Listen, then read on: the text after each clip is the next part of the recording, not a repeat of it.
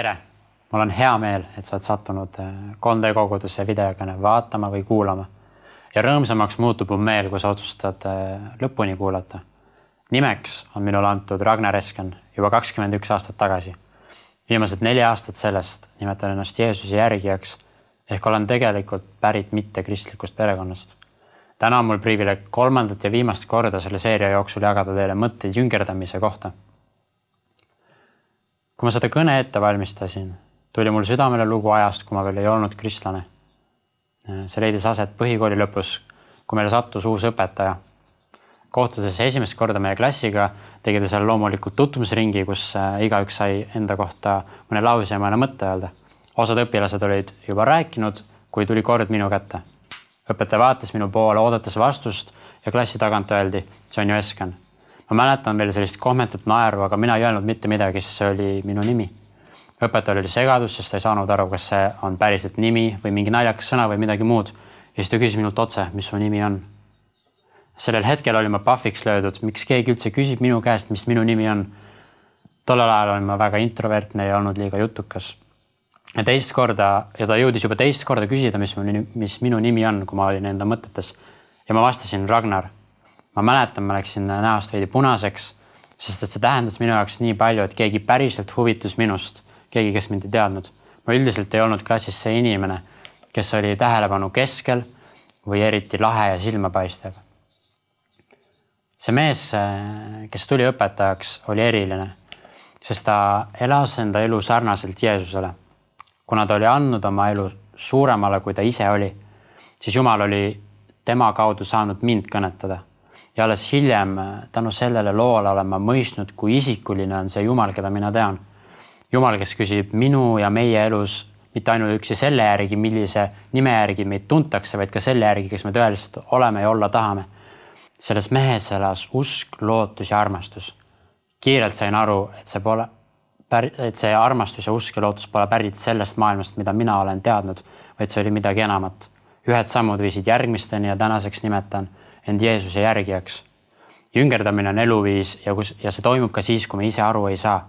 tolles kontekstis oli see alles esimese seemne külvamine. see on igavikuline mõju, mis saab jüngerdamisel olla. Jeesus ütleb, et iga seeme, mis langeb heasse mulda, kannab minimaalselt vilja kolmekümnekordselt, minimaalselt kolmekümnekordselt. kunagi ei julgenud ma omaenda nime öelda.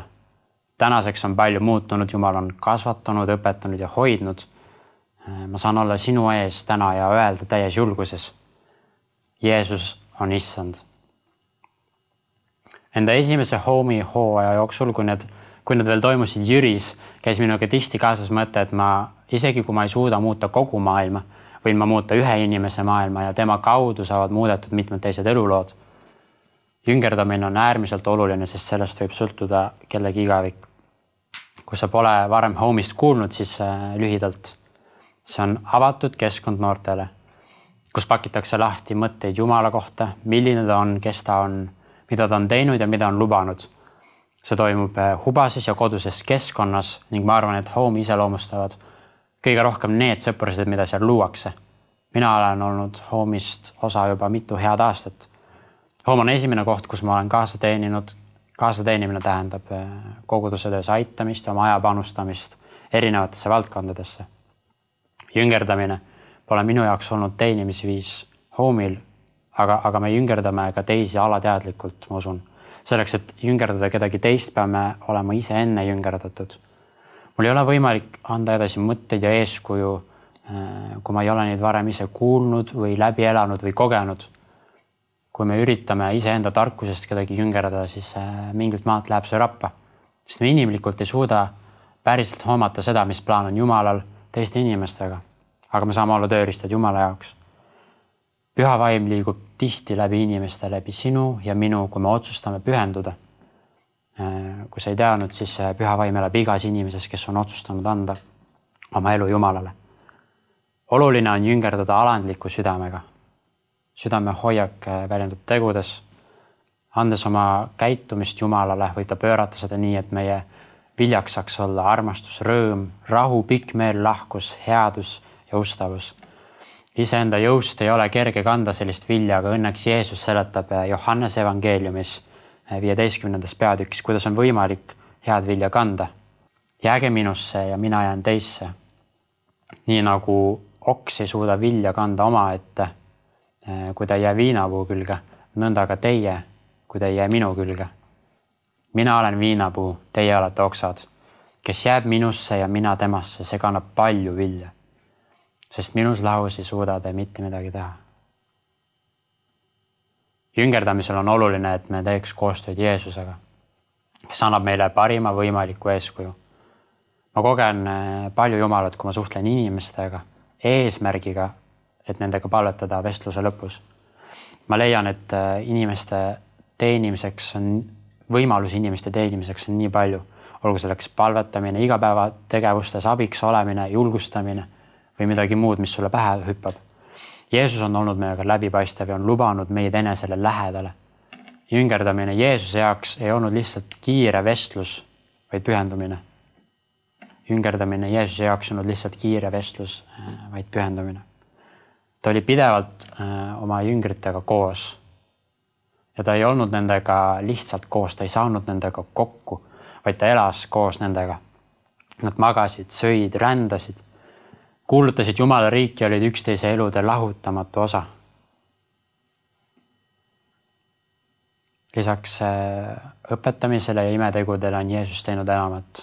ta on otsustanud äh, maksta hinde, et meie võiksime elada ilma pattuta, täisväärtuslikku elu, et me saaks olla majakaks kogu maailma rahvastele oma rõõmu ja armastusega, mida me oleme Jumalalt äh, puhta muidu saanud.